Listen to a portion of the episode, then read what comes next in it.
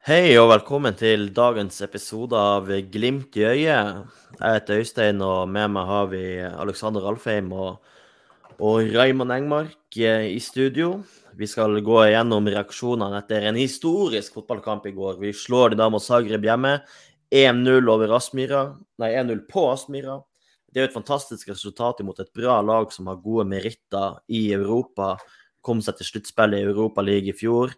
Andreplass i gruppa bak eh, Westham. Eh, hva, hva sitter dere igjen med etter gårsdagens kamp, gutta? Nei, det er litt, eh, litt tosidig. Veldig, veldig fornøyd med seier. og at de spiller så bra som de gjør. har full kontroll i si 70 minutter av, av kampen. Og, og, virker som det klart beste laget. Men så skal det jo spilles en returkamp òg. Og umiddelbart etter kampen så tenkte jeg at shit, her, det her burde man utnytta bedre. Jeg syns man spilte ganske, ganske, mye bedre enn uh, Dinamo Zagreb i 70 minutter. Og da kun ha en ettmålsledelse før en veldig tøff bortekamp er, eh, er, litt kjipt når man har hatt et skudd i tverrliggeren, en, eh, en heading i tverrliggeren, en Pellegrino-avslutning som man pleier å sette. Så det mangla, sto ikke på målsjansene, så litt tungt at de ikke vant med kanskje to-tre mål. Men uh, uansett stort å ha sett en eh, Champions League-kamp på Aspmyra med sinnssyk stemning. Uh, og et tross alt veldig bra resultat. Jeg var jo, til og med jeg måtte jo på Aspmyra i går som er frostpinne som ikke tåler noe som helst når det kommer til dårlige temperaturer og dårlig vær. Men jeg så egentlig veldig mye det samme som Alex. det var, De spiller en bra kamp. og, og det var jevnt over høyt nivå på laget. og de, Det var mange som sto frem positivt, særlig, særlig stopperne.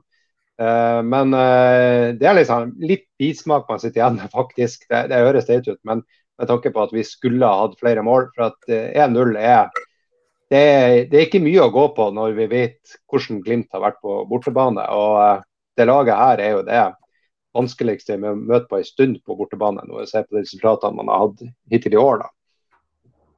Ja, nei, altså, jeg er jo helt enig. og det er liksom er litt sånn konflikt, altså, conflicted mind, som de sier på, på, på godt nynorsk eh, der borte i England, er jo den stoltheten over at man vinner 1-0 over et såpass bra lag som Dynamo Zagreb. Og så er det litt den der Faen, du var såpass mye bedre enn de i så store deler av kampen og hadde en del vi hadde ikke så mange store sjanser, bortsett fra den Salvesen-headinga og Pellegrinos i avslutning. Men det var mye sånn nesten, ikke sant, hvor den, hvor den siste pasninga ikke sitter, hvor Salvesen bomma litt i mottaket. Eh, sånne småting som gjør at det, at det renner litt ut i sanda likevel, men, men, at vi vi har tross alt dominert en fotballkamp imot Dinamo Zagreb allikevel. da. Eh, og, så, så, jeg klarer liksom ikke å, å være for skuffa, selv om man selvfølgelig sitter med en liten bismak eh, og tanke om at faen, vi skulle vært mer klinisk, vi skulle ha skåra i hvert fall et mål til, tenker jeg. Ja, jeg, vil jo ikke si på noen måte at jeg, at jeg er skuffa akkurat. Det, det, det, er ikke, det er ikke et ord jeg bruker. Jeg er egentlig superfornøyd. Men eh, samtidig, jeg var, jeg var, litt sånn overraska. Jeg syns eh, Dinamo Zagreb fremsto ganske mye dårligere enn hva jeg hadde forventa, rett og slett. Eh, spiller for spiller så ser du at det er enkelte spillere som har kvaliteter, selv om det er litt variasjon der òg. Men uh, sånn kollektivt, og det, det, går på det taktiske og sånne her ting, så syns jeg de var veldig dårlige. og De løste de defensive arbeidsoppgavene sine ganske dårlig som lag. Så, uh, så uh, jeg er litt spent på hva som møter oss i, i Zagreb, om det, blir, om det blir en annen utgave. Men sånn, vi vet jo at de har ferdigheter, men som kollektivt, det var, altså, det var sjokkerende dårlig, syns jeg. Ja, og, og, og, det du er inne på der, var jo noe av det som gjorde at jeg fikk trua uh, i løpet av den kvelden før kveldssendinga vi hadde på Twitter. Uh, den praten vi hadde der. For da hadde jeg nettopp uh, hørt gjennom den episoden som han Jørn hadde med den kroatiske journalisten. Og jeg hadde også lest den artikkelen i Visa Nordland med han Salgiris Vilnius-spilleren som er kroat. Og han sa da at jeg spiller fotballkamp mot både Glimt og mot Dynamo Zagreb men det er vanskeligere å møte laget Bodø-Glimt enn det å møte enkeltspillerne til Dynamo. Eh, selv om kanskje Dynamo Zagreb har bedre enkeltspillere. Eh, var inne på det den kroatiske journalisten, at eh, det er spillere med potensial til å straffe dem hardt og brutalt hvis de blir tatt i ubalanse, hvis de klarer å gjenvinne ballen og de får litt tid og rom. og det det syns jeg også vi så. at altså, Dinamo Zagreb hadde ikke så mange etablerte, lange angrep og sånt, men, men når de tar oss, eh, får bruddet på oss og tar oss på overganger, så var de giftige, syns jeg. Men jeg tror, altså Ja, de, eh, de skapte ikke mye, men jeg er veldig usikker på i hvor stor grad de egentlig prøvde. Altså, Nå sier jeg ikke at de hadde tenkt å forsvare inn en 0-0, eh, et 0-0-resultat, men eh, jeg tror de er ganske klar over at uh, de nå møter et Altså at Glimt er veldig gode på Aspmyra. Uh, men at de også spiller på kunstgress, noe de før kampen var ute og sa, ja, klagde på. At uh, det var en stor fordel for Glimt. Så det virka som de tok hele kampen med ro. Keeperen stressa ikke, stressa ikke med å få ballen i spill. Um, og de virka ikke så interessert i å Ja, altså, de tok ikke så mange kontringer. De hadde en mot slutten av kampen hvor Glimt er heldige som ikke slipper inn. Men uh, det virka som de var ganske fornøyd med, fornøyd med å bare ligge under med 1-0, og, og, at de er uh, komfortable med at dette kan de ta i Zagreb. men jeg syns jo de, altså, som, selv om dere kritiserer, kritiserer laget, så personlig så syns jeg det virka ganske solid defensivt. For de slipper jo nesten ikke til ordentlige muligheter. Altså, Eh, det et, altså, Målet Glimt skårer er jo et veldig bra innlegg av en Vuka, solid heading av Pellegrino. Og ellers så har Glimt én ordentlig avslutning eh, innenfor 16, som er avslutningen til eh, Pellegrino. Og så headingen til eh, Salvesen på corner. Så til tross for at det kanskje ikke er verdens beste lag, så, så slapp det ikke til mye imot. Selv om Glimt hadde mange skudd, men nå var det ikke mange farlige sjanser. Men der syns jeg det går litt på Det syns jeg kanskje er Glimt sin feil. Og så vil jeg jo legge til også at eh, etter eh, baklengsmålet så så du at eh, Zagreb de gira opp. De, de, de, fikk en helt annen tilnærming til kampen. Selv om det ikke lykkes å gjøre så mye ut av det. Men du så at intensiteten endra seg på et minutt. liksom. Men når det kommer til avslutninga av Glimt, altså, du har Skjalvesen som mottar ballen flere ganger inne i boksen. og liksom Mottaket havner 1,5 meter ifra han. Du har eh, Hugo Vetlesen som er to-tre ganger sånn relativt fri i boks, der han, men han finner liksom ikke balansen. Da, du har eh, Pellegrino som kommer, eh, som kommer inn liksom i boks og får slått de leggene og prøver liksom tre gjennom, en vanskelig ball til han da Vetlesen flere ganger langs bakken. Og, sånn sett så får jo Dinamo Zagreb de får jo stå veldig i ro og forsvare seg. Jeg syns ikke de får så veldig vanskelige arbeidsforhold. Så, så, så, det vil jeg jo jeg vil jo kanskje si at uh, akkurat i den fasen der å spille, så hadde Glimt noe å gå på. Og kan legge til at Muka Jeg syntes den venstrebacken Det var jo rykter at han var dårlig, venstrebacken til Zagreb. Og, og det syns jeg virkelig han var òg. Og du ser det når Muka prøver ordentlig, så gir han han problemer. Så jeg, jeg savner på en måte at Muka Han hadde ikke kvalitet nok i den biten der i går i spillet sitt, for der kunne vi ha, ha gjort mye. Ja, jeg er helt enig. og jeg syns Muka ofte gikk gikk for mye innover. De, de få gangene han gikk utover, syns han klarte å straffe venstrebacken hardere. Glei litt forbi og hadde jo en tunnel annet før han kommer inn i, i 16-meteren og, og, slår et innlegg som det ikke blir noe av. Men eh, jeg syns ofte at han, han, gikk forbi venstrebacken på innsida, så treffer han bare en av de defensive midtbanespillerne og en stopper i tospann, og så mister han ballen. Eh, så, så der er jeg for så vidt enig i at vi kunne kunne utfordra mer på utsida og, kom, og, kommet rundt backen i stedet for å gå på innsida av han. Uh, men, uh, men, det, men, det, som de sier, er det, det, er små marginer på at ikke Vetlesen mottar ballen uh, litt oftere i bedre posisjoner. Hvis Salvesen, hvis det er mottaket sitt, så har han jo en del bra avslutning, potensielle avslutningsmuligheter. Sånn, så, så, jeg syns det er mye å ta med seg inn mot neste kamp. Og, og jeg tror Eh, det var noen som sa det i går på sendinga, Glimt går videre fire av ti ganger, sånn som det første resultatet er. Nå ikke jeg noe oddsanalyst eller, eller, en stor statistiker, men, men, det er interessant allikevel at de sier at basert på utgangspunktet de har fra Aspmyra, så kan Glimt gå videre eh, fire av ti ganger. Eh, og det er, jo, det er jo nesten 50-50 på om man går videre eller ikke. Og det, og det er odds jeg har gjerne tatt med meg i sekken til, til Dynamo Zagreb. Jeg, jeg føler også at fire av ti høres ganske realistisk ut, men det er liksom, jeg føler bare det er 1-0-ledelsen. altså Den kan være jevna ut etter 40 sekunder. liksom. Ikke det at jeg tror det blir å skje, men, men det, er, det er definitivt ikke noe å hvile seg på, sånn som vi kunne gjøre i, i forrige europacupkamp. Nei, det er helt sant. Nå, nå vi nødt til å møte opp fra første sekund på der nede i Zagreb. Men, eh, men, men jeg syns eh, kollektivt i går at Glimt var, var veldig bra, og spesielt i presspillet. Du ser jo Salvesen hvordan han mange ganger spurta en 40-50 meter bare for å komme opp i press på stopperen. Og så følger Mvuka Vetlesen spesielt etter, og, og Saltnes også oppe i press. Så Eh, så det, Jeg så vel statistikk også på at Glimt sprang 124 km i går. Og det, er vel, om det var 30 km mer enn Manchester United sprang mot Brentford. Og det, og det er mange meter. Og, og nå har ikke jeg sett hvor mange av de som var i spurt, for det er egentlig mer interessant enn hvor mange meter man tilbakelegger. Men Glimt hadde vel mest ballbesittelse, og i tillegg sprang de så mye. Det, det sier noe om intensiteten i spillet til Glimt når vi er på stasjon når vi er på topp.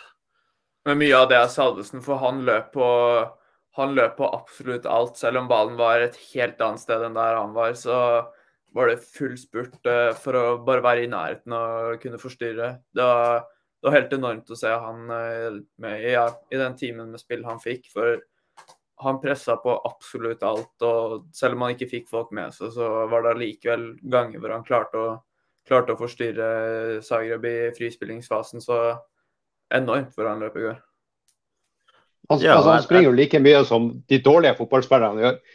Du finner jo på en måte aldri gode fotballspillere som springer så mye som det der. Det er jo alltid de som liksom mangler noe annet, som kompenserer det med innsats. Men det er jo helt vilt at jeg satt og tenkte flere ganger når jeg ser han begynne på de løpet, så tenker jeg faen at han gidder. Han er liksom på deres høyreback, og så går ballen over til til deres venstreback, og så bare bøyer han ned eh, krumma nakken. Og så, og så, er det ganske høy intensitet på tvers av banen, bare for å gå opp i press. Det er jo helt vilt.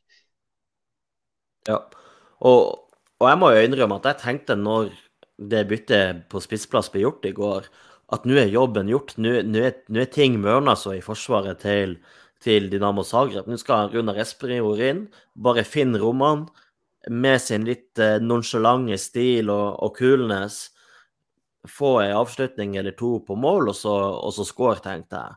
Eh, Nå skjedde jo ikke det, og jeg syns kanskje Espejord ble i overkant nonsjalant og, og kul i en del situasjoner, men eh, ja. Jeg hadde skikkelig forhåpninger når du så den grovjobben som var gjort, og du så hvordan Zagreb-spillerne begynte å bli slitne og legge seg ned og tøy, og mye av det kan jo vært kynisk, men men jeg syns du så i går faktisk at uh, Dinamo Zagreb sine spillere var veldig sliten også. Ja, spesielt siste kvarteret 20. Altså, nå mener jeg at uh, Zagreb hadde sin beste periode fra rundt 55 uh, eh, spilte minutter til, uh, til Glimt bytta inn uh, Grønbæk og Komson mellom 70. og 75. minutt. Da, da syns jeg de virka farligst, men etter de byttene igjen så så var det stort sett Glimt. Og, og ja, spillerne til Zagreb lå seg ned for å tøye og tipper mye av det var ganske kynisk for å, for å drøye tid. Så jeg tror virkelig de fikk kjørt seg. Og jeg syns Espejord gjør et ganske, et ganske godt uh, innhopp, egentlig. Men uh, det var et par ganger hvor han eh, kanskje tok noen litt feil avgjørelser og burde spilt fra seg ball og latt være å skyte ved to anledninger, hvis jeg ikke tar helt feil. Men uh, syns han gjør en del bra i presspillet, vinner igjen ballen og er, gjør det bra i kombinasjonsspillet òg. Så syns han gjør et godt innhopp. Ser vel litt på han på det Espejord, hvorfor vi har handla Salvesen, syns jeg. da. Det er jo liksom eh, det det er veldig bra det Espejord gjør. ikke sant? Du ser at han er kvalitetsspiller, og det gjør du hele tida. Men så er det sånn jeg får litt følelsen av Espejord er ute på banen for, for han Espejord, ikke for Glimt, liksom. Og det er sånn, det er hælspark han prøver på. Han kan, han kan, faktisk avvente løpet der og få det på utsida tidligere der. Det, det, blir liksom, det blir litt for fikst, rett og slett. da. Og så, og så, må vi ikke glemme å nevne han eh, Muka i det defensive jobben hans. Jeg vet ikke hvor mange baller han springer opp, men altså bare sånn, er fem meter på etterskudd og løper opp ballen. og det, Jeg kommer på en sånn eh, fire-fem situasjoner på stående fot. Var, han hadde jævlig mye gjenvinninger i går. altså. Ja, nei, Muka var enorm i presspillet i går, det var han også, eh, blant flere. Og, og, jeg tror det er den intensiteten vi, vi, må opp på for å prestere bra mot de bedre lagene i, i Europa. Du, liksom, du, du, får ingenting gratis. Du må, du må, earn the right to play, som vi har messa om i, i, tidligere i sesongen. Og, og jeg syns jo Glimt har tatt store steg fysisk nå, sammenligna med en del av de kampene vi så i vår. Jeg kan jo bare med skrekk og gru huske tilbake til cupfinalen, men også eh, bortekampen mot Molde i mai, hvor, hvor spillerne så direkte avskrudd ut. Eh, og så er jo spørsmålet er det mentalt, er det fysisk?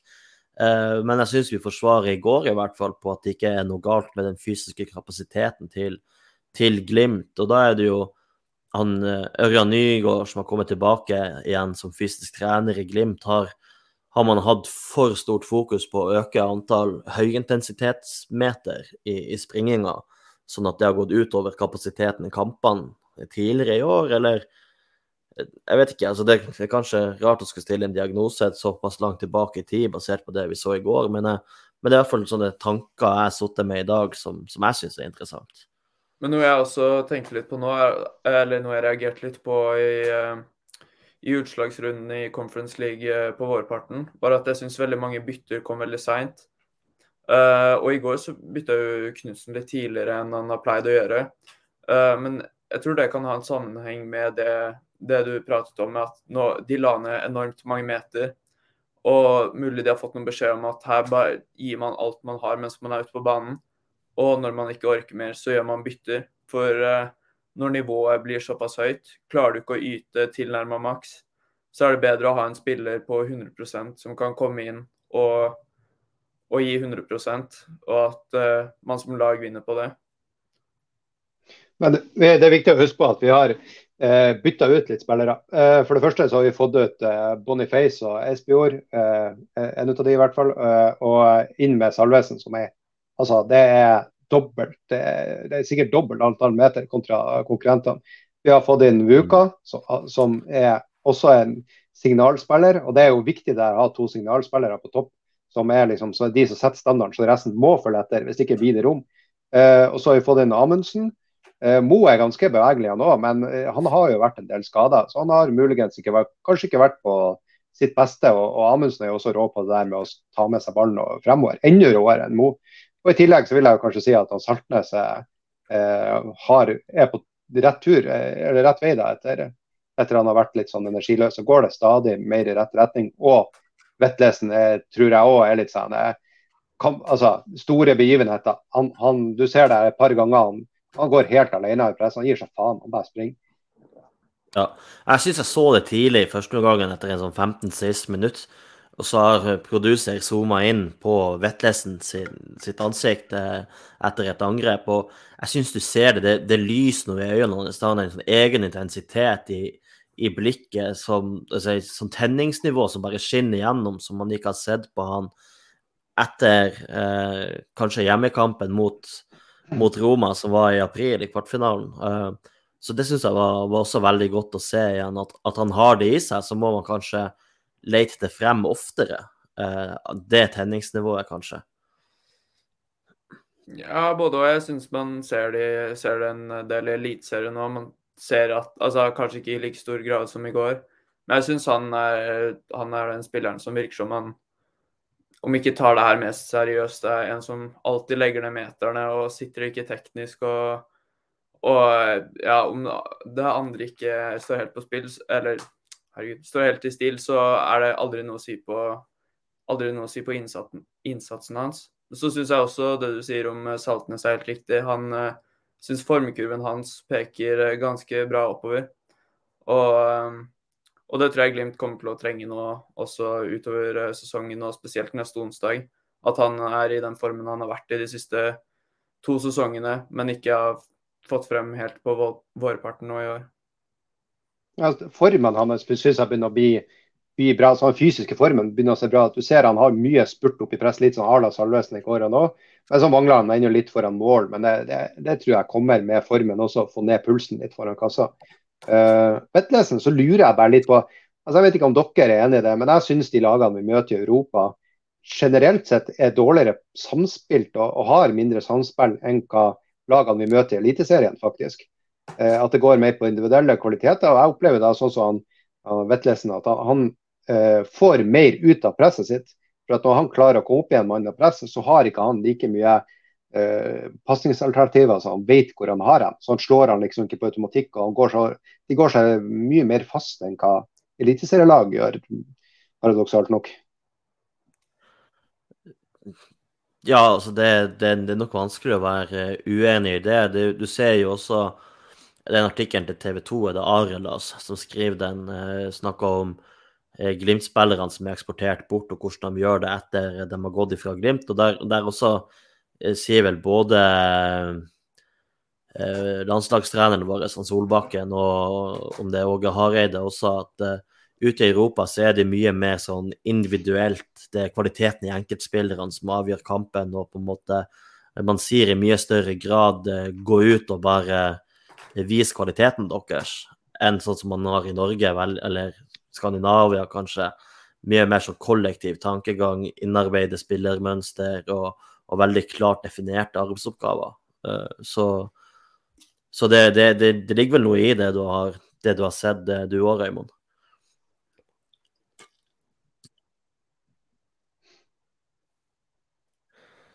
Mm. Ja. Så det ble en litt sånn eh, naturlig stillhet nå, så tenker jeg vi kan, vi kan snakke litt om, om stopperne våre. For det, det ville hvert fall jeg gjerne ta opp. Eh, eh, jeg syns det, det, det, er helt enormt. Altså det, eh, det stopperparet vi har nå, eh, jeg tror ikke jeg har sett et bedre stopperpar i Glimt. Eh, de går utpå Lode og, og Mo. og Amundsen er altså Jeg får gåsehud når jeg snakker om det, men altså måten han tar med seg ballen på så den ene gangen, det, Jeg trodde det var før skåringa, men det var like etter. men det er liksom, Han blir pressa av to mann, chipper han over dem mens de går inn i sånn halvhjerta takling og bare tar han med seg 50 meter frem. og Det gjør han flere ganger. Og I tillegg var Høybråten ikke så spillende, det skulle kanskje bare mangle. Men uh, de, altså, Zagreb slår høyt opp på, på spissen. Det, er den, måten de blir enten vil eller blir tvinga til å spille et bakfra. Og det er ikke sånn at han Høybråten vinner duellen med at ballen går rett opp i lufta. Altså, han kommer bak han og kommer over han og vinner hodeduellen og, og, får ballen liksom eh, inn på deres banehalvdel igjen. Ja, han var helt rå på duellspillet. Og når jeg satt og så kampen, for jeg, jeg, var ute og sa før kampen at kanskje vi skulle hatt Amundsen og, og fått Lode tilbake. Det hadde vært et interessant stoppepar. Men når du ser hva han bring to the game av Høybråten i de duellene sine, så er det det er altså helt eh, outstanding, det vi har, altså. Ja, jeg er helt enig. Jeg vet ikke om Høybråten tapte en eneste duell i går. Uh, han, var, han, var, helt enorm. og uh, altså, ja, Isak, du ser det jo også før målet vårt. Det er jo han som går Han tar jo imot ballen, eller han bryter jo ei pasning. Og når det, det på en måte mottaket slash bruddet han gjør, er jo retningsbestemt fremover i banen, og så slår han opp på Hugo som slår til Elias, bretter ut til Muka, så kommer innlegget og, og målet. Så, så, så det, det er liksom, Han er helt på sida, er det da, ja, han, han, tar han med seg på utsida av foten, liksom. Ja, så, så målet til Glimt ja. starta jo med mottaket til vår Baresi, hvor han mm. forserer egentlig eh, spissen, og så slår han opp ei, ei forløsende pasning, eller ikke bare ei forløsende pasning, men ei produktiv pasning opp i banen på indreløper. Uh, og det resulterer jo at ballen kommer ut til Muka, som legger inn til og det blir mål. Uh, og jeg syns du, du, ser det at når, um, når Hagen får dratt med seg den, den ene presspillet, og det åpnes rom for han Elias, så bare stuper han frem med den største selvfølge og selvtillit. Det er på en måte, det er ikke noe tvil. Han, han skal opp gjennom ledd og, og skaper ubalanse. Slår en del gode pasninger og, og, er med også og avslutte angrep. Det syns jeg er helt sinnssykt artig å se på. Ja, nei, Det var helt rått uh, levert av begge stopperne i går. Sånn, spesielt Høybråten uh, defensivt, for han blir jo satt i litt flere hodedueller og, og, får sånn sett mer å jobbe med. Men Amundsen havner i en del dueller, han òg, som han stort sett vinner. Men, uh, men det er det han leverte offensivt i går, man biter seg merke i. For som dere sier, hver gang han får ballen i bena og det er rom for å for å dra et ledd, så forserer han med den største selvfølgelighet. Og, og, og, gjør jobben mye enklere for Glimt. Altså, man får ballen mye høyere opp i banen, og man har dratt av et par Zagreb-spillere, så, så, det han leverte i går, var helt sinnssykt. Og ja, bortsett fra, bortsett fra det som skjedde rett før slutt der, så leverer han jo en stort sett prikkfri kamp. Du, du ser jo også Dinamo Zagreb bytta jo han, Bamse Brakar som spiss der. Og, og, da, og han legger seg på Amundsen. Og der ser du jo at Amundsen har jo ikke den pondusen i duellene som han Høybråten har. Men allikevel så er det, det er helt sykt å se på hvordan Amundsen bare henger på ryggen hans og får en liksom fot opp i foran brystkassa hans for å bryte ballen. Og gjør det to-tre ganger. Det er liksom ja, det er liksom, hva, hva mer skal vi be om, rett og slett? Ja, nei, det, det Men det, det, er noe med den innstillinga han har til kamp, egentlig. Han, han, skal bare gå ut og ha det artig og gjøre det han synes er, er best med å spille fotball. Og det tror jeg gagner han. og det du har jo hørt det, både han Patrick og Ulrik snakke om det, hvordan de, når de tenkte prestasjon og resultat i alt de gjorde, at de ble veldig forknytt. Du ser han Isak, han, det ser ut som han bare går ut og leker fotball. Han er på Løkka og spiller fotball med, med kompisgjengen sin i en playoff-kamp i, i, Champions League. Det er jo helt nydelig. Ja, det er noe med anledningen som gjør at det virkelig skiller seg ut. For han har jo ikke altfor mange kamper for Glimt. Uh, og nå er man ja, i en uh, kvalikkamp til Champions League, og så leverer han en sånn forestilling. Det, det er helt rått. Og da da kan han ikke akkurat ha slitt med nervene, for uh, det så ut som han spilte på hvilepuls uh, hele, hele, kampen i går. Og uh, nei, det var helt rå opptreden. Det jeg, jeg kan ikke huske det ligner i norsk fotball. Men du ser da til kroppsspråket til hele liksom, laget også nå de, de, de, siste par kampene. Så han, altså, jeg syns det, det er offensiv gjenvinning. Altså, jeg syns Glimt begynner ordentlig. Altså, ikke bare begynner, men nå syns jeg de er gjenkjennbare fra det de var på eh, både 20 og 21. og Kanskje en sånn blanding mellom 20 og 21. Ikke er de like gode offensivt, ikke er de like gode defensivt, men eh, helheten er like god. Kan, kan godt hende den er Når du tar bort de individuelle egenskapene som vi hadde i de, de to troppene, så er det kanskje kollektivt bedre, til og med. Ja. Og det, og det, det er også litt Det vises jo også med eh, Zagreb har ei avslutning eh, etter 22 minutter.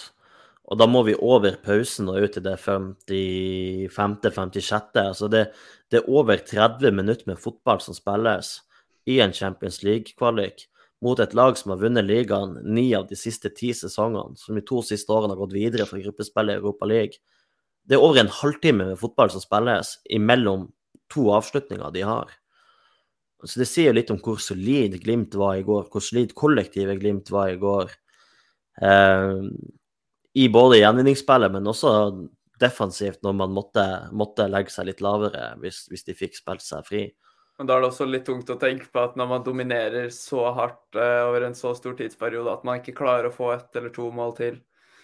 For det, ja, det, kan, det kan uh, ende opp med å koste. Men, uh, ja, men det er helt utrolig hvor, uh, helt utrolig hvor solid Glimt spilte i går. Og, og, hvordan de klarte å dominere kampen i så stor grad over så lang tid. Det, selv om de, både de og vi er litt småskuffa over at vi ikke leder med mer enn ett mål etter denne kampen, her, så, så, er det en enormt bra prestasjon.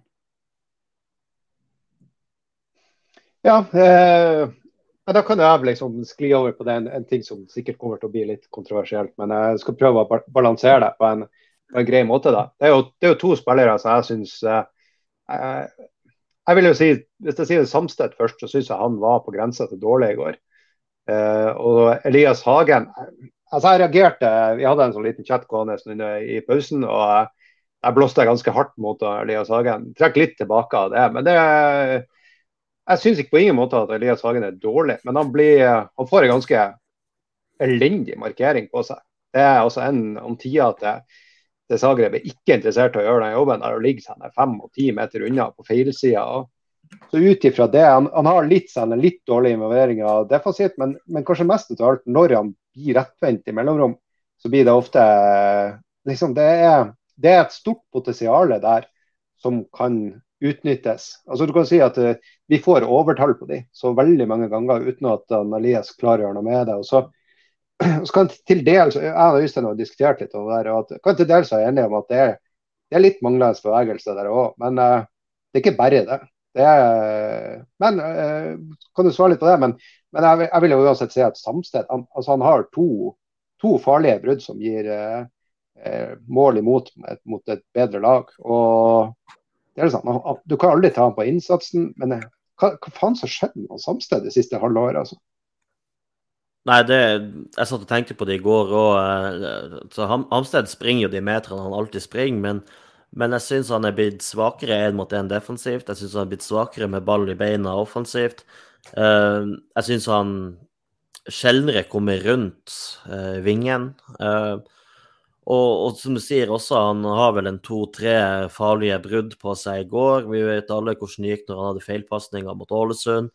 Uh, og før kampen mot Sarpsborg så nevnte vel du også, Raymond, at de har sikkert sett ut Alfons som et svakt punkt i Glimt, et sted man kan, man kan angripe. Og det er jeg helt enig i. og jeg, jeg, jeg, diskuterte jo også litt i går den forlengelsen av Marius Lode tilbake, ikke tilbake, om, om uh, Høybråten venstre, Lode og Isak som stopperpar og Bris på høyre kanskje var en mulig løsning hvis Lode skulle komme tilbake. Um, men, men, så har jo Høybråten den dimensjonen i spillet sitt som Lode ikke har, og det er den pondusen i duellene. Men, men, men jeg syns også at Alfons har, har vært svak i det siste, og kanskje spesielt i går. Bare, bare skyt kjapt inn her. Jeg tror jo Lode fikk noen kamper på høyre back i, i, i Schalke. Det stemmer. Jo, og han står jo også på transfermarkt også som, som midtstopper og alternativ høyreback. Så, så det går jo an å prøve. Han har jo en kanon av en høyrefot også, det så vi jo mot Kristiansund i 2020. Uh, men uh, elefanten i rommet, det, det, er jo en Elias Hagen, og der gikk det jo i kule varm både i pausen og til klokka var, var både ett og halv to i natt uh, i den interne chatten vår. Så jeg så jo førsteomgangen uh, på nytt igjen på senga i går fordi at jeg, jeg skulle komme med, argumenter imot. Og, og, men jeg er jo enig i mye av kritikken som kommer mot han Elias. Men, men det jeg ikke er enig i, eller det jeg ikke liker når, når folk diskuterer han Elias, er er sånn Allerede før kampstart begynner folk å si 'Å, Elias starta'. Eh, og, og, så gjør han Elias mista ballen eh, første gang, om det er etter rundt fem minutter. Og da, da, er vi i gang igjen, ikke sant. Og da er alle sammen i sånn fullstendig svartmaling. Og, jeg føler også at de, de, ikke evner å se mye av det positive som, som Elias gjør i løpet av kampen i går. For jeg syns Elias gjorde en, en bra kamp i går, mye bedre enn en, en de fleste kamper vi har sett han spille i Glimt. Og så er det selvfølgelig ting han fortsatt må, må utvikle. Og, og, det jeg føler mange har som sitt største ankepunkt mot Elias, det, det er i presspillet og defensivt. Og ja, det er han som er for svak i duellen etter 22 minutter, som fører til den, den avslutninga de har i, i første omgang. Men han vinner også ballen høyt i banen tre-fire ganger. Men så taper han ballen i situasjonen etterpå. Slår en feilpasning, får en dårlig touch, mister ballen. Men han har de tre-fire eh, bruddene høyt i banen som han ikke har hatt i tidligere kamper. Eh, så, så jeg var jo sånn, Etter første gangen var det sånn faen, han Elias har jo tatt store steg på det offensive presset, står i ettertrykket, tar for seg i rommet bak eh, indreløperne våre. Og så er det jo når jeg ser kampen på nytt igjen, at jeg ser OK, men han mista ballen i situasjonen etterpå. Men, men, hvis vi ser fra tidligere i sesongen, så var han jo ikke i situasjonen i det hele tatt, i utgangspunktet. Så, der, så, så så jeg syns at, at, mye av kritikken kanskje blir for unyansert og litt for uh, forutinntatt uh, mot Elias. Og, og, det er jo kanskje det som gjør at jeg tente så på alle pluggene i går, at jeg syns ikke folk gir han en fair sjanse. Ja, nei, jeg òg syns uh, Hagen spilte en ganske bra kamp i går. Det, det jeg bet meg mest merke i med ham, var at han ganske ofte fikk ganske mye rom. og da tenkte jeg at her kunne han vært litt mer aggressiv. og og vært litt mer offensivt i stedet for å spille så mye på tvers. At han bare fører med seg ballen lenger opp og har litt mer risiko i, risiko i spillet sitt. Og, og ja, det det er, jo ønsketenkning, men at han velger å spille på det safe, er også ganske forståelig med tanke på at det er en såpass viktig kamp, og at potensielle ballmist og, og brudd når han slår pasninger, eh, kan straffes ganske hardt. Så jeg vil ikke være for kritisk med det. Men det er noe, det er noe man kan se litt mer på når man spiller eliteseriekamper. At, at, at han er litt mer aggressiv fremoverretta. Uh, og så er det også det at han til tider kan bli litt veik i uh, duellspillet. I at han ikke vinner nok 50-50-dueller. Så han har mye positivt ved seg og, og noe negativt. Men uh, jeg føler altså Det skal ikke så mye til før han har en veldig bra totalpakke. Det er bare litt mer trøkk defensivt. og at han kanskje begynner å ta litt mer eh, risiko offensivt. Så, så jeg, sy syns han spilte en veldig bra kamp i går. Jeg ble litt overraska over at han ble nevnt så kort tid etter kampen med at uh, han hadde levert dårlig. For jeg, jeg bet meg i hvert fall ikke merke, merke til det. Jeg syns jo han egentlig De har jo han Samsted og Hagen som de eneste på fem er det vel. Og så ja. resten seks, og, seks opp. Og sånn sett, jeg syns egentlig de treffer ikke sant, Så skal man prøve å være litt nyansert i det her, da. Så syns jeg jo det børsen her for så vidt var, var bra i går, egentlig. Eh, de, jeg syns eh, Hagen og Samsted var, var, de to dårligste på Glimt, uten at de var eh, Jeg syns kanskje Samsted burde ha vært enda et hakk ned ut ifra det han leverte da, men, og vært under Elias. Men samtidig så, så syns jeg resten presterer såpass bra at de er bedre enn de to, da. Eh, og det jeg synes på en måte Den, den synes jeg er ganske klar uten at man Og så er jeg enig der at man, det blir veldig fort sånn at de som liker Elias har sjansen for han? Det, det er noe veldig sånn, eh, kanskje litt så enkelt som hvilken type fotballspiller setter man pris på. Og så, sånn, så kan man bli jævlig sånn positive når det blir når han gjør noe bra, så ser man ikke dårlig. Og akkurat det samme på de som er negative. ikke sant? Man sitter sånn og bare venter på å hogge til på noe som, som ikke er bra nok. Og så, og så ligger jo sannheten ligger jo mest sannsynligvis midt imellom de to punktene. Ja, det, det, gjør det nok. Og jeg syns jo, sånn som er den kommentaren til Karina sier, at uh, han var litt drittsekk mot han som markerte han i går, og det har vi ikke sett før. Og at pondusen kommer seg. Uh, det, det, er nok litt sant i det, uh, men det er som han Alexander sier, han er, han er litt for veik i de 50-50-duellene, og du ser også det ser ut som at han ikke er noe glad i å få, få vondt, men fotball er jo en kontaktsport. Men, men jeg syns jo også pasningsmessig Jeg er jo enig i Raymond og, og, Alexander i at uh, man sier han, han, blir kanskje litt spillende for mye på tvers, men han har jo bare i, i første omgangen, som er den, den, den omgangen jeg har sett i reprise igjen, så har han i hvert fall ei veldig god pasning medløps på, på han Elias. Han har to gode pasninger opp på han Ulrik. Han har vel eh, ei eller to pasninger som går direkte ut på han Pelle. Og så har han jo også pasninger ut av Vuka, som, som blir innlegget for målet. Uh, og så er det jo noe sånn Kjetil snakka om etter intervjuet, at vi, vi, klarer ikke å holde ballen lenge nok sentralt, at vi får snørpa det litt sammen, og så bretta ut. At kanskje Elias bretta ut for tidlig. og Da er det jo interessant å se uh, men, men hvordan spillpunkter var egentlig veldig ledig sentralt foran han i banen, uh, uten at jeg studerte så jævla nøye, da, Raymond. Ja, det er akkurat det er vel kanskje det jeg ser mest der. da, for at uh, Jeg merker meg at uh, Zagreb de, når, Ofte så spiller jo uh, kommer Elias seg bra løs bak den tida, da, men han skal nå sies han jogger mye den tida der, altså, men allikevel er løs der og har kanskje 15 meter med rom til nærmeste spiller. Og Det var helt merkelig å se på hvordan Zagreb de støter overhodet ikke ut på Elias. Og Da syns jeg det er litt rart at ikke han tar han med seg fem eller ti meter til liksom, for å se for Da vil jo spillere rundt begynne å bevege seg, og det kan åpne seg rom som ikke er der akkurat når han slår de ballene ut på bekk. eller, ikke sant? Så det, det, er noe å gå på der. Men skal jeg ta han litt i forsvaret på det, så, så, skjønner jeg at det er sånn det, Jeg tror det er et litt uvant kampbilde for, for han da. At det der eh, eh og, i, og, i, tillegg så Det er bare sånn, det er bare en feeling jeg setter meg, jeg har ingen grunnlag for å si det.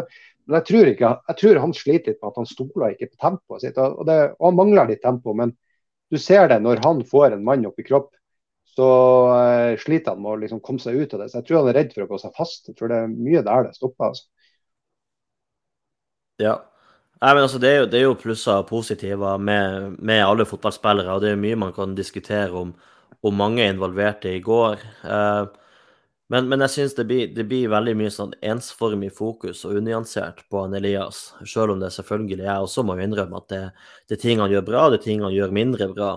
Uh, og, og, den femmeren er nok kanskje isolert sett fortjent, men, men, det er mange i sosiale medier som snakker som om han spiller til en ener eller toer på børsen, og det syns jeg ikke han gjør. Nei da, det der med å se det med litt sånn eh, det hjalp. Jeg så kampen på nytt i natta for jeg la meg. Det, det hjalp meg. Liksom, for Treningsnivået er litt lavere. Eh, men for, jeg har lyst til å skli over på, Jeg har ikke så mye tid i dag, så jeg har lyst til å skli over, skli over på en annen ting. det at eh, jeg syns det var jævlig artig å se de byttene. Så kan jeg bare si en sånn kjapp kommentar at jeg syns Komson han er nødt til å trene et innlegg. Uh, men det jeg helst vil si, er at uh, Grønbæk det er spennende greier. altså. Der har du Herregud, kan springe lett i steget.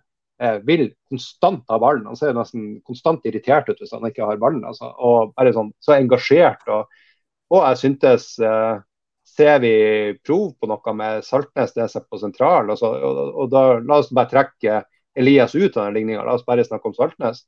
Uh, han er det, det, så ikke, det, så ikke, dårlig ut. Altså, det, det, var ikke dårlig, det var ikke en dårlig trio på midtbanen vi avslutta med. Altså. Nei, absolutt ikke. Og, og, men, men, du ser også at kampen har jo åpna seg litt mer opp. Det er litt mer brudd på brudd og, og andre rammebetingelser for Ulrik når han ligger i den rollen. Men uh, men jeg syns jo også det så bra ut. Det går jo ikke an å stikke under en stol. Og du ser jo også her i kommentarene Aron Ågnes og, og Hans Christian Johansen som kommenterer det her, at Grønbæk tar vel snart plassen til Hagen, og Hans Christian spør sier det ble en helt annen trygghet når Salte gikk ned på det defensive midtbane. Um, så, så, det er jo spennende å se hva tanken er med med Grønbæk. Eh, for Grønbæk er jo henta til å spille indreløper. Hugo spiller indreløper, og Saltnes spiller indreløper. Og når du ser sesongen over ett, så er det nok Elias Hagen som eh, har prestert dårligst på, på, på midtbanetreeren. Eh, så, så, det var interessant det byttet i går, å se Saltnes ned på, ned på ankeret og, og Grønbæk inn på venstre indreløper. Så da er jo spørsmålet hvor tidlig ser vi eventuelt det byttet fra start? Ja, det er det jeg og Før man skal konkludere med om det er dette man bør gå med fremover, så vil jeg se det fra start. For uh, det er litt vanskelig å konkludere med om det, her er, om det der vil fungere uh, når Grønbæk kommer inn såpass sent i det som ble en veldig åpen kamp, som du sa. Uh, jeg vil heller se hvordan det her er når man starter på 0-0 og, og under litt andre forutsetninger. Um, men det virka veldig spennende, for altså, Saltnes har jo et helt annet driv med ballen i beina enn det Hagen har. Uh, så har de jo litt uh, ulike kvaliteter. Men når Glimt har veldig mye ball mot uh, litt svakere motstand, så tror jeg det der kan være en veldig spennende midtbanetrio. For der er det mye offensiv slag slagkraft, både i Vetlesen, Grønbæk og Saltnes. Så jeg har veldig lyst til å se deg mot HamKam allerede på lørdag, men jeg tror det blir jeg tror det blir litt tidlig. Jeg synes det er så jeg kan bare si sånn at jeg, jeg, jeg synes det er så spennende å se han Saltnes som sentral. for at Der har jo han vært før, og så fikk han ikke til å bli indreløper. Men det er liksom Og igjen, ikke, ikke, ikke for å, jeg bruker ikke det her for å snakke med Elias, men det er bare sånn det er bare en av pondus når han kommer ned. Det er akkurat så han, han blir mer synlig, og erfaringa kommer mer til syne. og sånn Du ser at det er en spiller som, som har spilt eh, mye kamper og bare vet, vet, hva han skal gjøre. og ikke redd og ikke bekymra. Det, det, det, det, var litt sånn, det var godt å se, rett og slett. Ja, og, og Saltnes skal jo ikke ut av laget uansett, for det er jo det nærmeste vi kommer å ha en Kjetil Knutsen på banen, eh, mm. jeg da. Uh, og han er jo en premissgiver. Han setter lista, vet, vet, hva som kreves både av innsats og mental styrke og alt sammen ute på banen der for å så, så, så, han er for meg kaptein med stor K og er nødt til å være på banen. og Da, da er det interessant om, om den rokeringa er noe man kan gjøre. Og Saltnes sier det jo også i den eh, Heia fotball-podkasten til NRK P3 at han blir vel sikkert anker og stopper til slutt når, når han nærmer seg å legge opp. Ja, for det er det som er. Jeg tror kanskje ikke han Saltnes er fornøyd med, med å miste venstre Indre Det virker som han trives veldig godt der sånn på kroppsspråket. da. Ikke det at han mistrives som sentralt, men jeg tror hvis han får velge, så spiller han venstre. Men jeg ser, ikke ser jeg for meg at Saltnes skal ut. Ikke, sånn, det er jo nesten, nesten, utenkelig så lenge han går på beina. Uh, Vetlesen uh, er vel den, det største salgsobjektet vi har per nå, liksom, sånn i forhold til bare for å sette en karakter på han, hvor, hvor godt han har gjort det. Uh, I forhold til hvor han er aldersmessig. og sånt. Så han, han, er jo også ikke aktuell å ta ut. Og så kommer det tidenes dyreste signering i i Eliteserien inn. Så det, det går ikke, lukter ikke sånn benk ut av det heller, da. Så, så, da begynner man jo å tenke, da. Så det hadde vært litt artig å, å vært flua på veggen eh, når han, eh, Åsbjørn og Kjetil sitter og prater om det her. Jeg vil nok tro at det her er, eh, at det er tanken at Saltnes skal flyttes ned. Um, så gjenstår det vel egentlig bare å se hvor lang tid det tar før, før det skjer fra start. Men uh, ja, når man har brukt så mye penger på en spiller, så, så vil man jo tro at han starter. Og, eh, og ja, Vettelsen er nok helt uaktuell å benke. Så jeg tipper vi får se det her fra start, om ikke nå på lørdag og neste onsdag, om ikke altfor lang tid. Ja, jeg er jo spent på, på lørdagen om, vi, om han Kjetil eh, gjør som alltid og bare kjører samme laget, eller om han faktisk gjør noen rulleringer nå. Jeg ser jo HamKam, de har jo nå spilt 116 minutter mot TIL, og det er fortsatt 0-0 yes, de. Det er ekstra ganger, ja. Uh, Sittet og sett på kampen i, i ettermiddag og skrudd av lyden når vi gikk i sending. Uh, og det, jeg må jo innrømme at altså det, det, jeg, er ikke skremt over nivået til HamKam, men vi vet jo at hvis Glimt slipper ned 5% så blir det jo fort jevnt allikevel. Uh, men det, det, er interessant å se hvilke vurderinger de gjør inn mot den kampen. Om de rullerer, eller om de går ut og tar kampen og, og dreper den på, på, 60 og så bytter seg ned. Men uh... Jeg vil nok tro at det rulleres minimalt. Maks, eh, maks ett eller to bytter, og da er det jo sånn Er Bris fortsatt litt småskada og merker at han nå spilte 90, 90 lange minutter mot uh, Dinamo Zagreb. Så mulig at enten Sørli eller uh, Skau får muligheten fra start. Men jeg har litt vanskeligheter med å se for meg at uh, det rulleres sånn veldig mye mer. Da tror jeg det må være småskader som gjør, uh, som gjør at uh, Knutsen velger å rullere. Og ja, uh, Bri spilte en veldig, veldig god kamp i går. Men, men jeg tror at Knutsen blir altså, på et eller annet tidspunkt som, altså, ikke, Det går jo ikke an å la være å rullere for evig og alltid. Uh, han vil jo ha mye å tjene på å klare å spille inn flere spillere i, liksom, i elveren i Gåsøya. Eh, sånn at han nå mot Kamma f.eks. at han kunne ha satt inn eh, en ny mann for Pellegrino og for Bris, og så kanskje en ny på midtbanen, bare for å avlaste. Altså, det er tre turneringer, det er mye av det. Liksom, vi har jo hatt en del skader, egentlig. Eh, det kan jo være at det hadde vært litt mindre skader hvis vi hadde hatt litt mer rullering. Så Hvis de får det til, så er jo det her også et potensielt bra tidspunkt å gjøre det på liksom nå mot HamKam, som er sliten og få dager fra, fra kamp og etc. Og vi, og vi trenger å, å, spare spillere til, til E-cup. Ja. ja. Nei, det er vanskelig å vite, altså. Det er... Men, men Kjetil sier jo og det så vi også i fjor, at når Glimt får, kommer inn i kamprytme og på en måte spiller kamp, restitusjon, litt taktisk, og så kamp, så gikk det jo veldig bra i fjor. Eh, og det ser ut som at man har kommet litt inn i det samme nå i, i år, utover i kvalifiseringa, at jo flere kamper Glimt spiller, og jo mindre man, man bruker tid på treningsfeltet, jo bedre er resultatene i kamp, egentlig. Ja, jeg tror det må være Altså, jeg tror man må rullere til en viss grad, men eh, det må bare ikke være for mange av gangen. Om man, eh, om man kan beholde stammen i laget, men hvile én eller maks to spillere, så tror jeg det kan være fornuftig. Men eh, det må ikke være for, for mye rullering, for da det har ikke Glimt vært gode til de siste årene, og da, da blir det dumt å skulle begynne med det nå. Men om man kan hvile spillere som kanskje ikke er 100% så så tror jeg det er en fordel.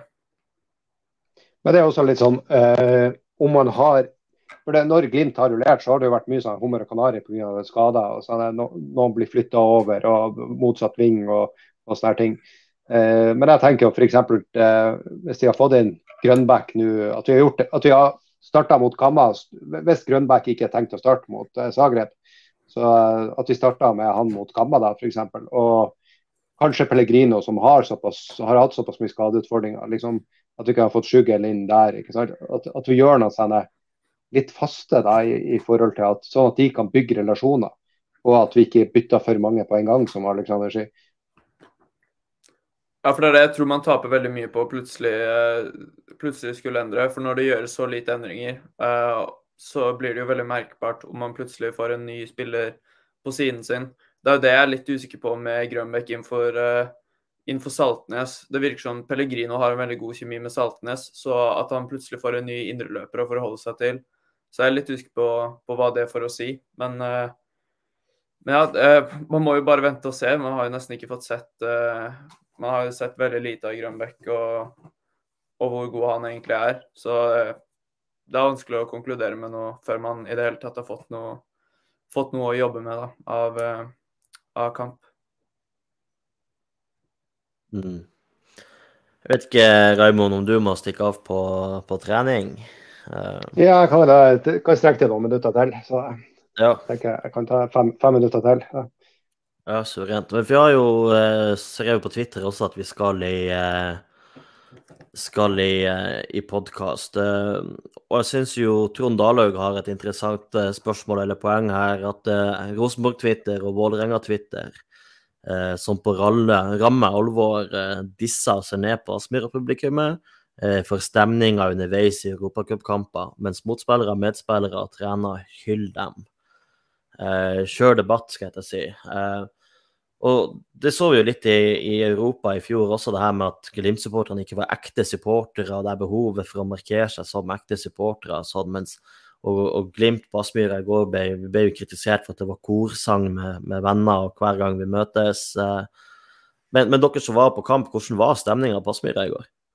Jeg sto midt på J-feltet, og det var ingenting å si på stemninga der. Det var bra fra en halvtime, tre kvarter, time før kamp til, eh, til dommeren blåste i fløyta og spillerne hadde kommet seg inn i garderoben. Uh, nå var det dårlig plassering av mikrofonen som gjør at, uh, som gjør at andre klager, for det, det, er lite å si på stemninga på, på Aspmyra om dagen.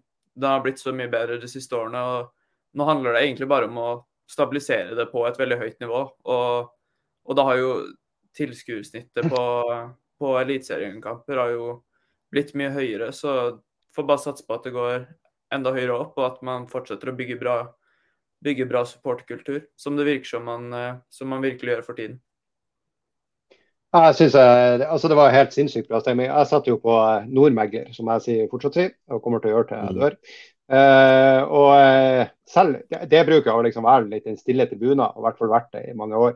Uh, der var det bra trøkk der òg. Og, og, det er liksom Alle er kledd i gult. og Om, om jeg skulle ønska meg en endring, så må det jo kanskje ha vært at IE-feltet fikk en liksom mer sentral plassering. for at det, det er det Man merker det innimellom. liksom, Så hører man jo at IE-feltet synger én ting, og og Nordmerker synger en annen ting. Også, men mengden liv, det var jo eh, fantastisk. Og så, og så tenker jeg sånn eh, Rosenborg og Vålerenga, er ikke de som har sånn 30 eh, supportere på, på tribunene når det går dårlig og de har motgang i klubben? Jeg syns ikke de skal Altså, jeg, altså det Glimt er trekker seg ned på Glimt. altså. Glimt har god stemning og etter hvert nå begynt å få gode supportere. og Sånn er det jo om, eh, om, du har en festival i Steigen og så kommer ACDC dit, så kommer det jo selvfølgelig til å komme mer folk dit enn hvis er min trio spiller der. Sånn er det jo. Store anledninger gir jo mer folk og mer engasjement. Sånn er that's life, liksom. Sånn er det også hvis United spiller en eh, tynn cupkamp, så er det jo neppe smekkfullt og fullt liv på tribunene der heller. Mm, jeg ser jo Elisabeth Bremer Karlsen har et godt poeng her. Stemninga hørtes godt gjennom TV-en, det er ikke det de disser. Det er det at folk har det hyggelig i lag, store, små og vanlige folk. Eh, og Det syns jeg er noe av det som er positivt på å være Glimt-supporter, er jo at man, man, man, er liksom ikke en klikk, man, man, er åpen for å bli kjent med alle og ha det koselig. og har ikke noe på problem med å sette seg ned og ta en pils og diskutere fotball med, med supportere til et motstanderlag. fordi at man har bare lyst til å ha det gøy og kose seg på kamp. og og lage litt liv og stemning både, både rundt kampen før under og, og etter. Uh, så jeg har ikke helt skjønt det der poenget med å si at man, man kun skal gå med balaklava og, og spise kebab til under 80 kroner stykket for å kunne kalle seg ekte supporter. Og så er det selvfølgelig eh, De snakker om TIFO og sånt. Ja ja, skit nå i det, det kommer etter hvert. Men, men det, det, arbeidet som er gjort på J-feltet med å bygge seg opp fra alle som husker liksom 2000 og og 5, altså, men også 2000 og, jeg husker ikke om det var 13 eller 14. Altså, det har vært perioder hvor det har vært jævla lite trøkk også i supporterklubben, men nå er jo feltet er jo utsolgt hver eneste kamp. Det, det, er vel nesten ikke sesongkort og oppdrift på J-feltet lenger. Og, var det, det ikke sånn at jeg... altså, I-feltet, Alex, var det ikke sånn at Det så ut som de sto på I-feltet òg. Uh, det som gigantisk J-felt.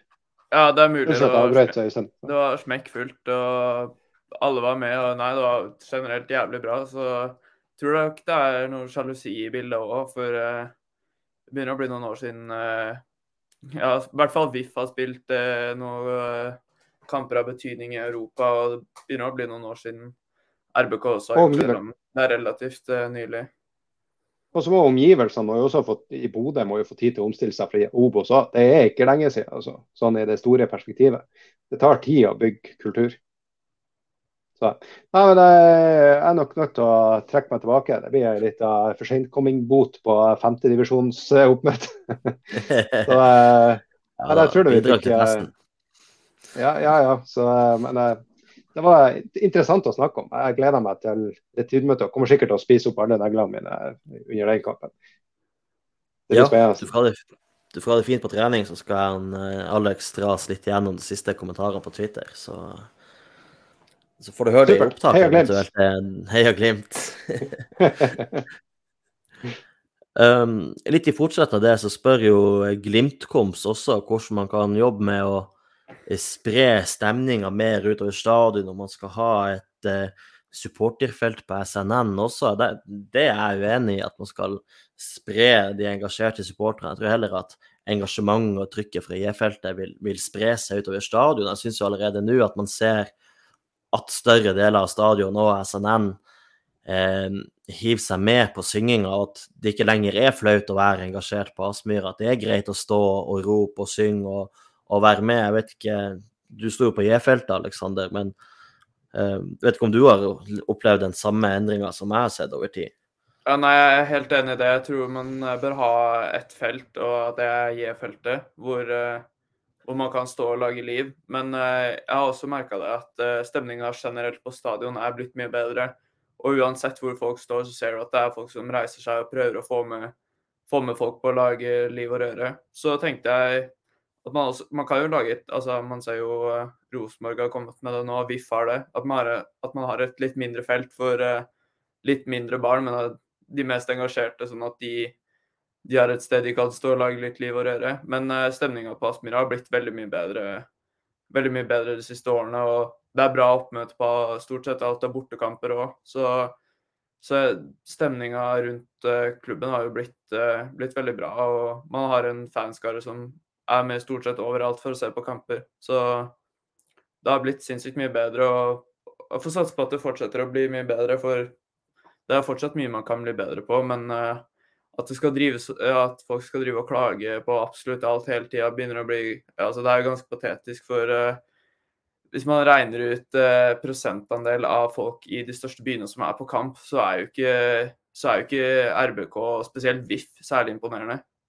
Så jeg tror man bør ha litt mer fokus på seg selv og se hva man selv kan gjøre bedre enn å ja, logge inn på Twitter og prøve å disse, disse folk for å ikke gå på kamp på Aspmyra. Det, det blir veldig teit.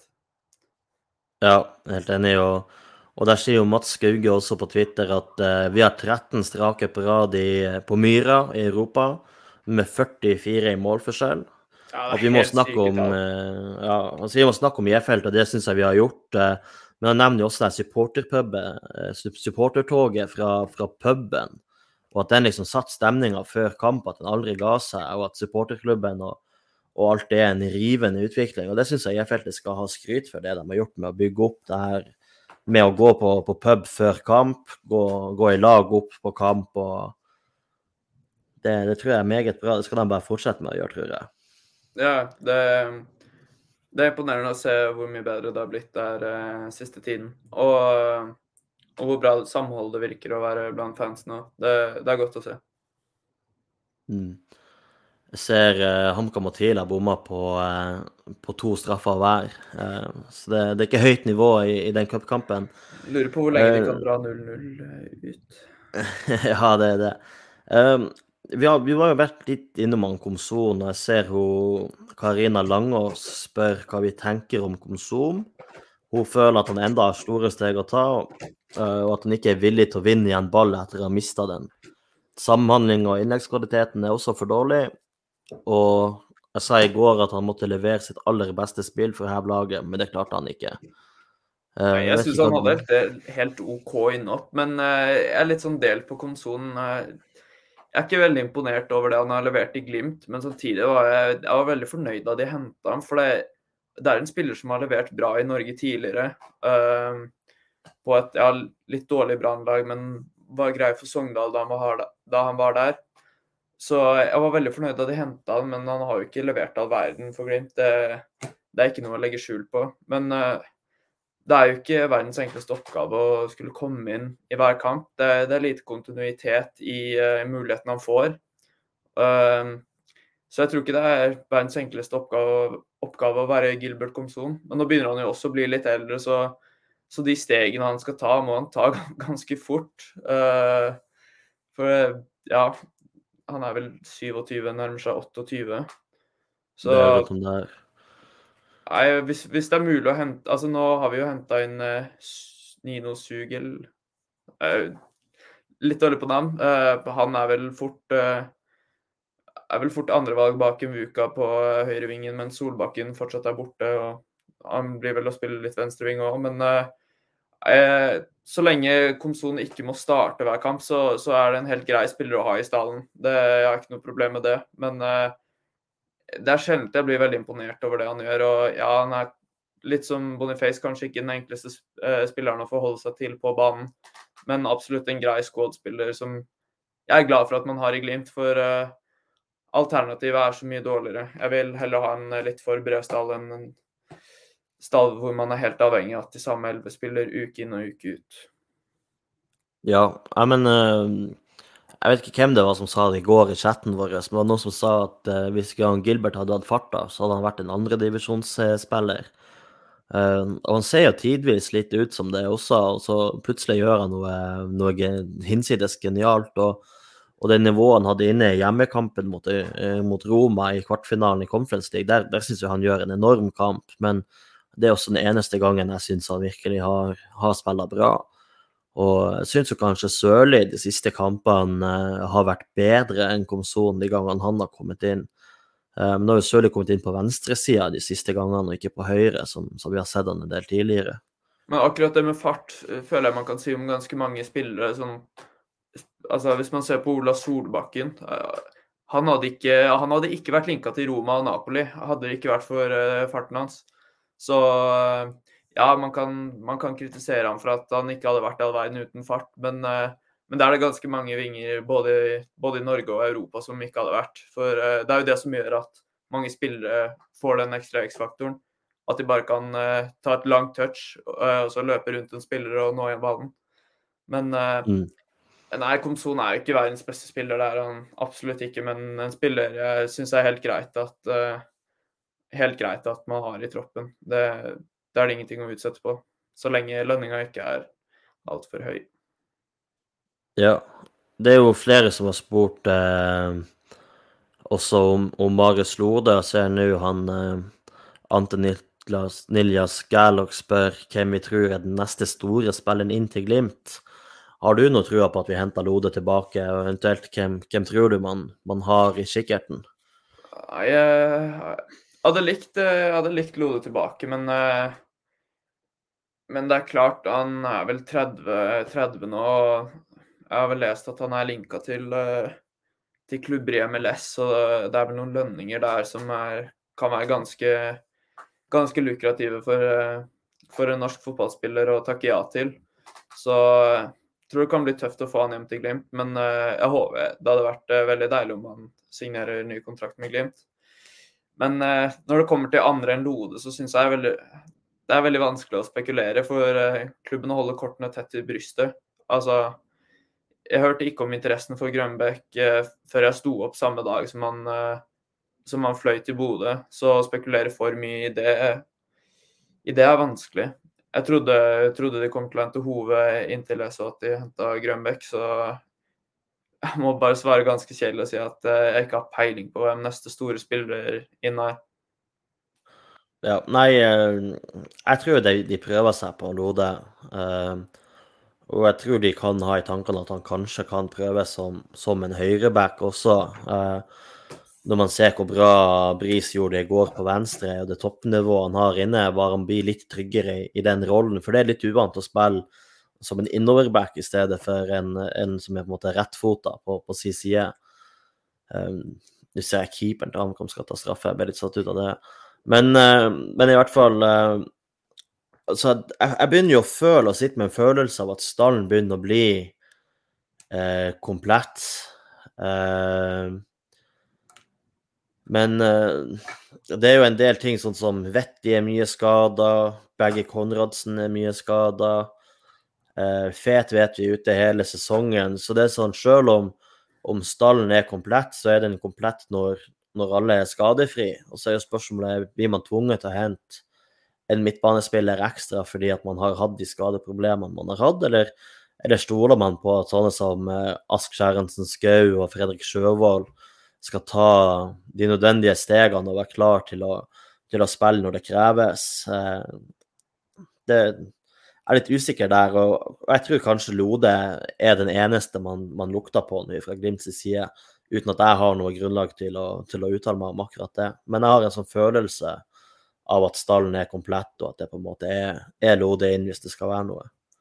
Ja, det er vel uh, Lode inn, og så tipper jeg altså jeg, jeg, føler meg veldig sikker på at uh, de hele tiden ser hva som er tilgjengelig, og, og, er åpne for å hente nye spillere. Men eh, per nå er vel Lode den som mest åpenbart potensielt er på tur inn til Glimt. Men jeg tipper de har øynene åpne for både venstrebacker, midtbaneankere og kanskje, kanskje en indreløper òg. For eh, skadesituasjonen er den den er, spesielt på midtbanen. Uh, så heller ha en spiller for mye i troppen enn en for lite. Og, uh, og ja, jeg hadde heller ikke takka nei til en uh, venstrefota venstreback, selv om Brisa har levert veldig bra.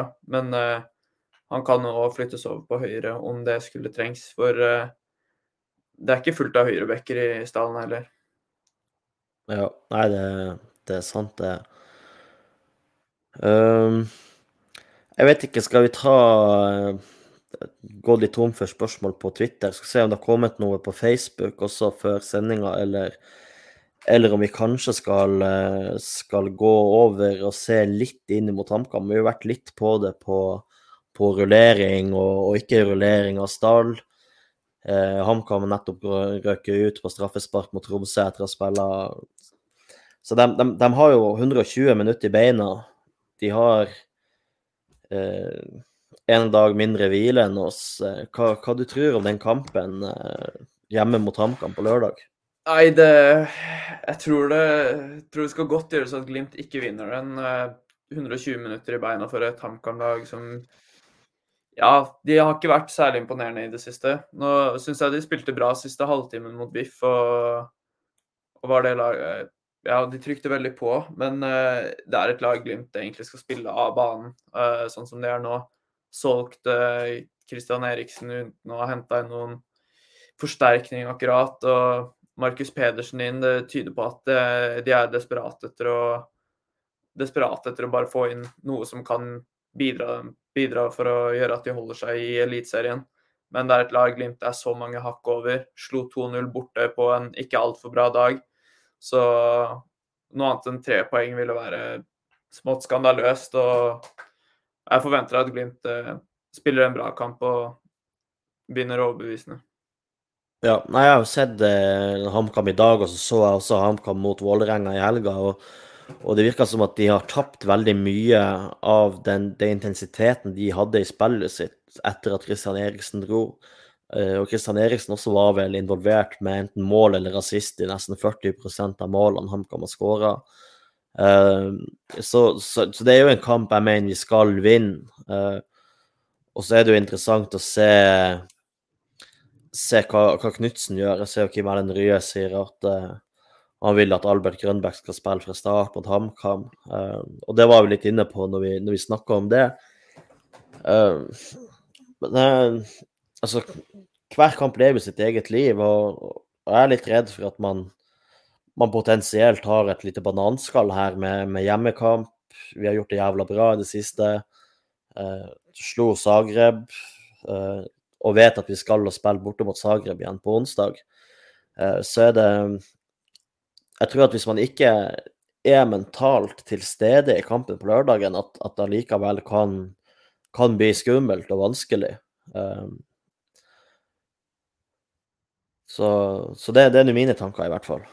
Ja, nei, det, er, det er jo potensielt et bananskall, men jeg føler Glimt er, er inne i en såpass god flyt nå at, uh, at de feier nesten alt av motstand uh, av banen. Uh, tenkte også det samme om Sarpsborg, at det her kan være en tøff kamp. De, de har havna i nedrykksstriden og må virkelig kjempe for alt av poeng for å ikke havne på kvalikplass eller direkte nedrykk. Men Glimt slo også dem overbevisende. Uh, ikke veldig tett på Zagreb-kampen i dag, men uh, det var nå den siste kampen de hadde før uh, denne veldig viktige kampen mot uh, Dynamo Zagreb. Og det gikk jo ganske så bra, det. Så jeg håper de, håper de, får en god start og leder 2-3-0 til pause, sånn at de kan kontrollere kampen inn uten at det koster altfor mye. Det viktigste nå er jo egentlig å holde spillerne skadefrie, og at de har et godt momentum inn mot eh, bortekampen mot eh, Dynamo Zagreb. Ja, og det du sier der med, med å kontrollere kampen inn, det syns jeg er en ny dimensjon i spillet til Glimt i år. Altså i 2020, uten å ta noe bort ifra det laget, så var det, det var mye tut og kjør. Det var liksom eh, flat pedal hele kampen igjennom. Uh, I fjor så vi det til dels at, at Glimt hadde lært av noen borteturer i Europa, men nå spesielt i år jeg syns jeg ser det borte mot, mot Ålesund, du ser det borte mot, eh, mot Sarpsborg, at når Glimt på en måte er fornøyd, har tatt ledelsen, eh, så kan de ta ned tempoet, hvile litt med, med, ballen i laget, spille, spille rundt motstanderen og la de ligge og skyve og springe etter ballen, og så plutselig så, så, så slår man ei forløsende gjennombruddspasning eller noe, så er man er man allikevel farlig, selv om man tar ned intensiteten veldig i kampen. Og, og man får ikke den tut og kjøren som man, man, kanskje ville fått tidligere i år. Ja, nei, Jeg er helt enig i det. Jeg syns uh, årets lag ser litt ut som en hybrid mellom 2020 og 2021-laget. Uh, eh, litt råere offensivt enn de var i fjor. Ikke helt på høyde med, med 2020-laget, men det er det nå ingen noensinne som har vært. Uh, og nå begynner det å nærme seg nivået de holdt i fjor defensivt òg. I tillegg til det du sier om at de, er, de, har blitt bedre til å holde på banen. Og nå har de spilt, uh, spilt en del i Europa, og tror hele gruppen har lært mye av det, og hva som virkelig kreves, og at de nå har lært å få brukt det i hjemlig liga. Så uh, det er gøy å se progresjon, og at man får noe mer enn bare kule borteturer og kule kamper ut av å være i Europa. De har blitt et mye bedre lag av det òg, og det er veldig gøy å se. Ja, absolutt. Det syns jo Man ser det også med stopp i spillet. Man, man kakker ballen to meter bort. Eh, det er nok til at du irriterer motstanderen, men lite nok til at du ikke får noe gult kort på det. Eh, og hvis ballen går ut til kast, så hiver du den inn på banen, sånn at de ikke kan ta en ny ball og kaste med en gang. Motstanderlaget er nødt til å bruke litt tid før de kan sette i gang igjen. Eh, og, og det er nok noe de her småknepene som man, man, har lært seg etter, etter to år i, i Europa nå. Absolutt. Mm. Jeg vet ikke, har du, har du, noe du ønsker å ta opp før vi, før vi runder av, Alex? Nei, eh, ikke annet enn at jeg ønsker å se Grønbæk fra start eh, mot HamKam. Jeg er veldig spent på han. Det er jo ganske vanskelig å finne mye film av han eh, og det han har levert eh, i Danmark. Så, så, jeg har veldig lyst til å se mer av han. Og jeg føler egentlig at HamKam kan være en fin anledning for han å få spille litt, for jeg tviler på at han starter mot Zagreb. Jeg kan selvfølgelig ta feil. Så nei, jeg er veldig spent på om han starter, og eventuelt hvor eh, tidlig eller sent han eh, kommer inn. For eh, nei, det, det er kult at man har henta en så dyr spiller, og da vil man gjerne se, se han i aksjon og hva han er god for også. Ja, helt enig i det. Og så kan vi jo avslutningsvis eh, også informere om eh, shoppen vi har satt opp, ja. der man får kjøpt en del eh, T-skjorter og, og gensere med ulike trykk. Man får også kjøpt eh, softshell-jakker med, med 'Dæven, det er deilig, det her' på. Og det er noen capser og kaffekrus og ølkrus og sånt. og og alt overskuddet som vi, som vi mottar, kommer uavkorta til å gå til støtte til, til Ukraina og ukrainske foretak. Foreløpig så har vi vel sagt at vi skal eh, bruke overskuddet til å, til å kjøpe fotballdrakter fra ukrainske klubber, og så lodde ut til, til seerne våre. Eh. Så akkurat det får får vi landa mer etter hvert. Men det er det som er planen foreløpig, i hvert fall. Og jeg har jo sjøl bestilt genser med, med Brønnøysunds Sparesi og trykk av, av Kelstad Amundsen. Og, så, det, så det er bare å gå inn der. Jeg kan legge ut link etterpå. Så, så kan man gå inn og se på hva vi har. Har du bestilt noe, Alex? Ikke ennå, men jeg planlegger å, planlegger å bestille noe etter hvert her. Ja, suverent. Da får vi eh, takke Webium til hjelp med produksjon, og vår eh, sponsor Adventure Taylor for at de er vår sponsor, som gjør at vi kan sitte her og, og diskutere Bodø-Glimt, som eh, vi elsker overalt og for evig. Så er det bare å si lykke til mot HamKam og heia Glimt. Heia Glimt.